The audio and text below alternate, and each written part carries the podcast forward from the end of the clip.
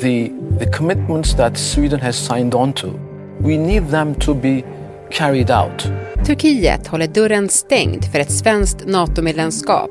Sverige skyddar terrorister, menar landets president Erdogan, som kräver att Sverige lämnar ut 130 personer till Turkiet. Samtidigt har Turkiet blivit den nya tillflyktsorten för ledarfigurer i den svenska gängmiljön. Hur kan du ha blivit släppt när du är internationellt efterlyst? Jag är turkisk medborgare. Personer som misstänks ha direkt koppling till den senaste tidens brutala våldsvåg i Stockholm. Det är för andra natten i rad som polisen får rycka ut till en skottlossning i just Farsta. Ja, vi vet att vi fick larm vid kvart över sex om att en person var skjuten. Och det här ska ha skett i eller utanför en restaurang i Skogås. På en kvart får du veta varför Turkiet blivit en fristad för svenska gängledare och vad det skulle kunna betyda för Sveriges NATO-process. Det är tisdag den 31 januari. Det här är Dagens Story från Svenska Dagbladet med mig, Alexandra Karlsson.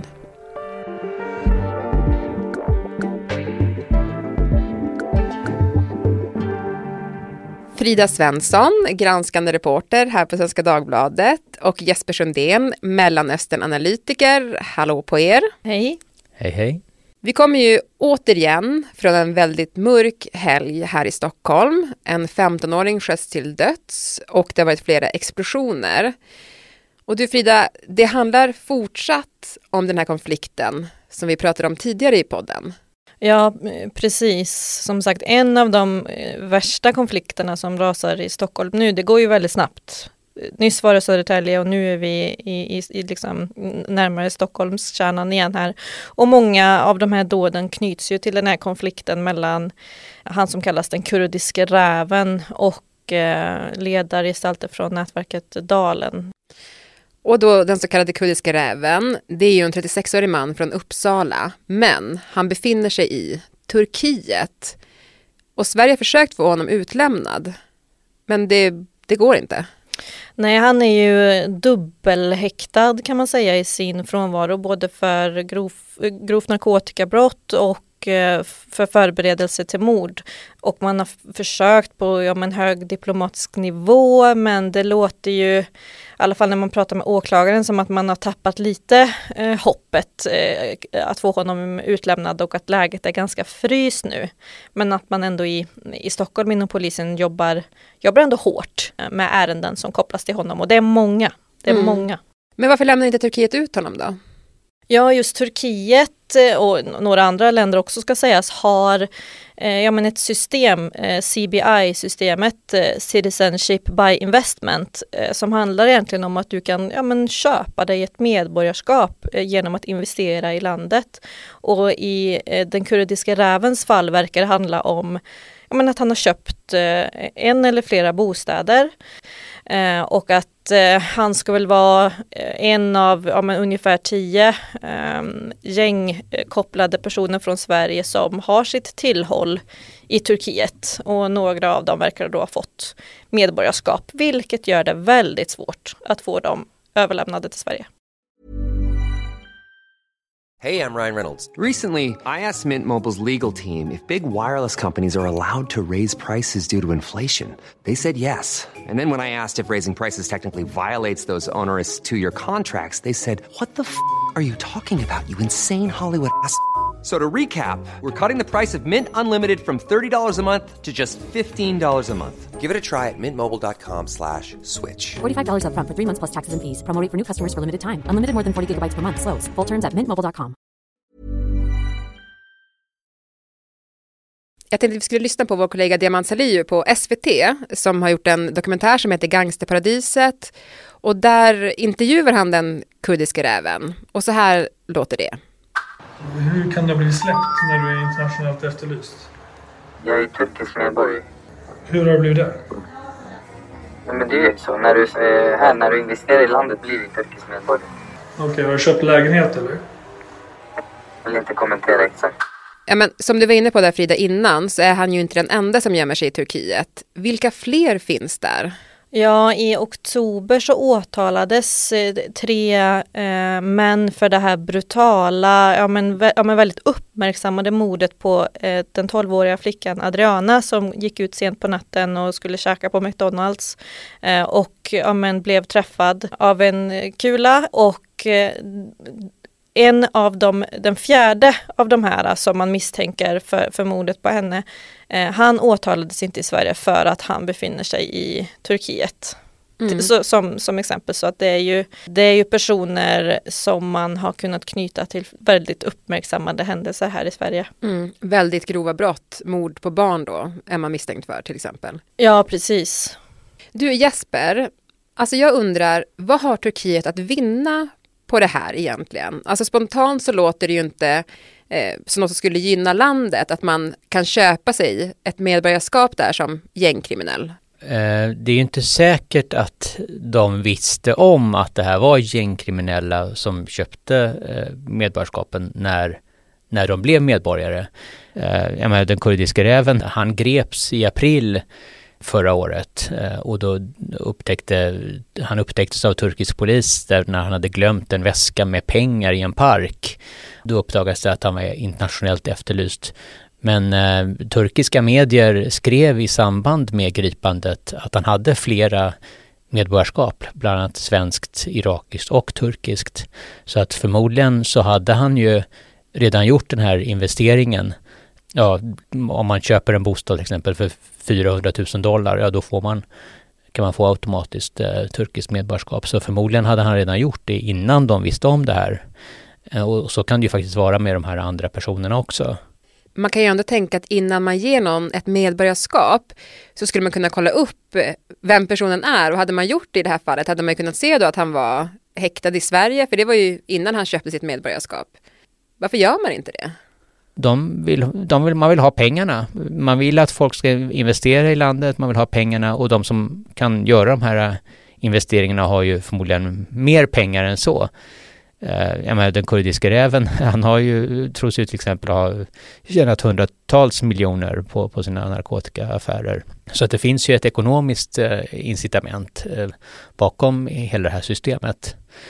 Sen kan det ju också vara så om man tänker att Turkiet har ju under lång tid velat ha eh, personer utlämnade från Sverige som har kopplingar till den terrorstämplade gruppen PKK, men också från så kallade Gülenrörelsen som är terrorstämplade i Turkiet men inte i Sverige.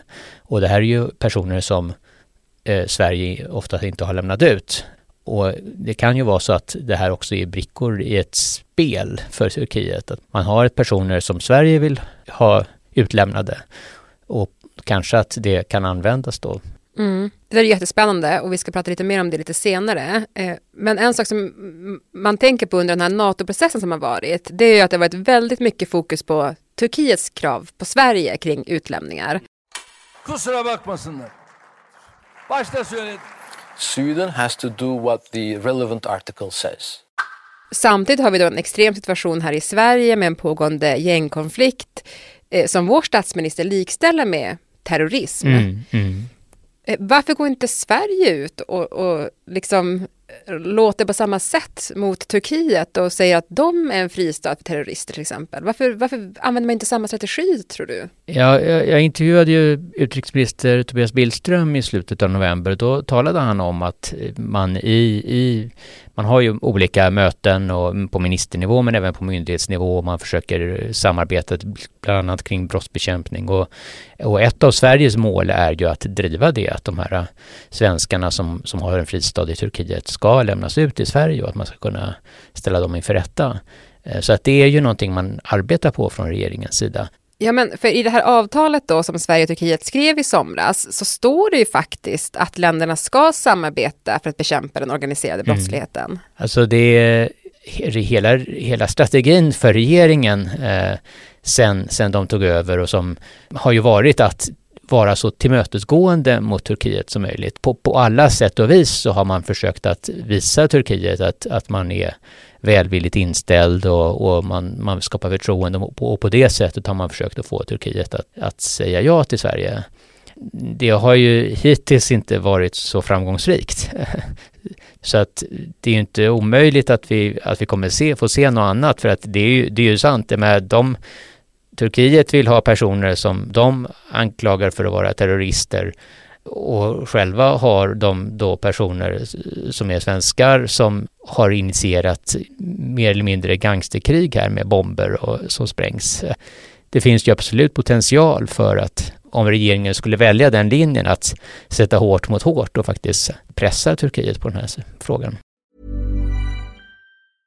Ryan Reynolds här från Mint Mobile. Med the price of just about everything going up during inflation, we thought we'd bring our prices down. So to help us, we brought in a reverse auctioneer, which is apparently a thing. Mint Mobile unlimited premium wireless. Ready to get 30, 30, bit to get 30, bit to get 20, 20, 20, bit to get 20, 20, bit to get 15, 15, 15, 15 just 15 bucks a month. So, Give it a try at mintmobile.com/switch. slash $45 up front for 3 months plus taxes and fees. Promo rate for new customers for limited time. Unlimited more than 40 gigabytes per month slows. Full terms at mintmobile.com.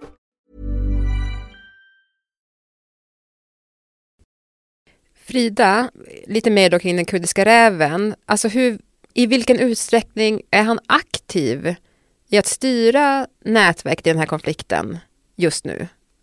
Ja, alltså enligt mina eh, poliskällor och även en del källor från liksom den kriminella världen bedömer ju att hans förmåga att eh, ja, men styra och dirigera dåd och narkotikahandel här i Sverige är väldigt hög från hans då ganska skyddade eller mycket skyddade position i Turkiet.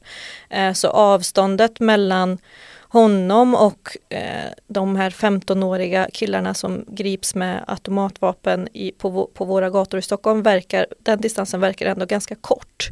Eh, och jag fick reda på nu bara i helgen att man inom polisen har tagit ett ja, men, eh, omtag kring den kurdiska räven och försöker verkligen ja, men, koordinera och samla alla ärenden man har på honom. Så att eh, vi får väl se verkligen vad som kommer hända eh, här framöver. Mm.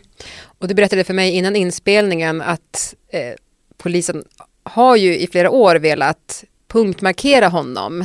Ja, alltså för ett par år sedan så flaggade man upp för NOA, alltså den nationella operativa avdelningen, där det finns en hel del resurser och muskler att det här är en person som vi måste verkligen rikta in oss på. Det var ju, det var ju mycket frustration där att hallå, liksom ser ni inte alltså vad den här personen har för inflytande. Men man fick eh, nej på det då. Men eh, motiveringen var lite grann att ja, men man ser inte att han har så stort så här, våldskapital. Det finns andra personer som kanske har större våldskapital. Och att det här var mer fokus på hans narkotika, ja, men dominans eller vad man ska säga.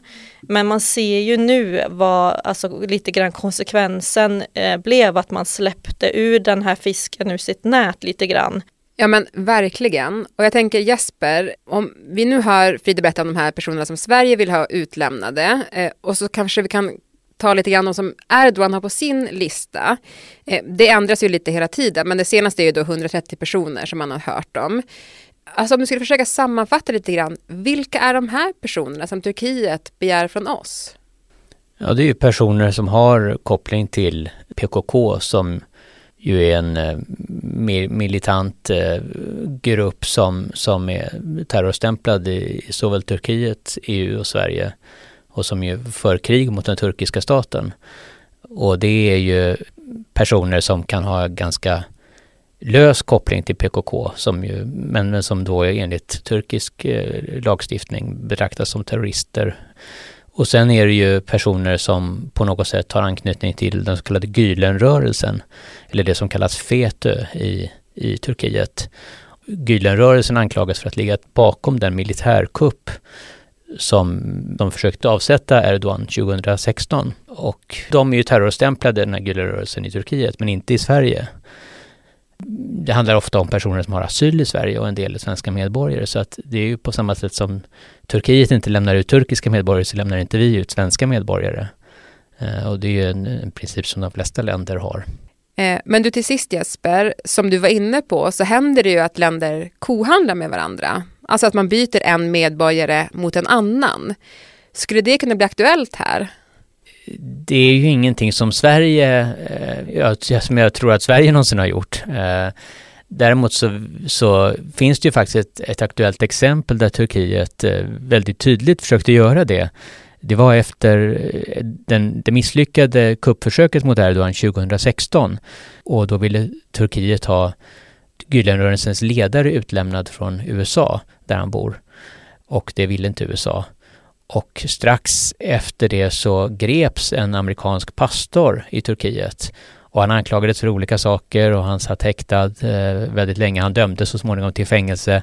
Men ungefär ett år efter att han hade gripits, då sa Erdogan att ja men USA, ni, ni har ju en, en predikant som, som vi vill ha, nämligen Gülerrörelsens ledare. Och vi har en pastor som ni vill ha. Eh, så att vi kan väl byta. Eh, och, och, och det var ju förmodligen, eh, tror ju de flesta, e, e, enda orsaken till att den här pastorn faktiskt hade gripits. Och det visar ju att eh, Turkiet, eh, det, fin det, finns absolut med på kartan att, att sånt kan ske, att de kan tänka sig en sån byteshandel. Och det kan man ju tänka sig att, att det finns här också, att de här svenskarna i Turkiet kan vara ett spel för att eh, använda för att faktiskt få ut folk från Sverige som man vill ha ut. Tack så jättemycket Jesper och Frida för att ni var med i Dagens Story. Tackar, tackar. Tack själv. Programmet idag producerades av Moa Larsson, redaktör var Erika Hallhagen och jag heter Alexandra Karlsson. Normally, being a little extra might be a bit much, but not when it comes to healthcare. That's why United Healthcare's Health Protector Guard fixed indemnity insurance plans, underwritten by Golden Rule Insurance Company, supplement your primary plan so you manage out of pocket costs. Learn more at uh1.com.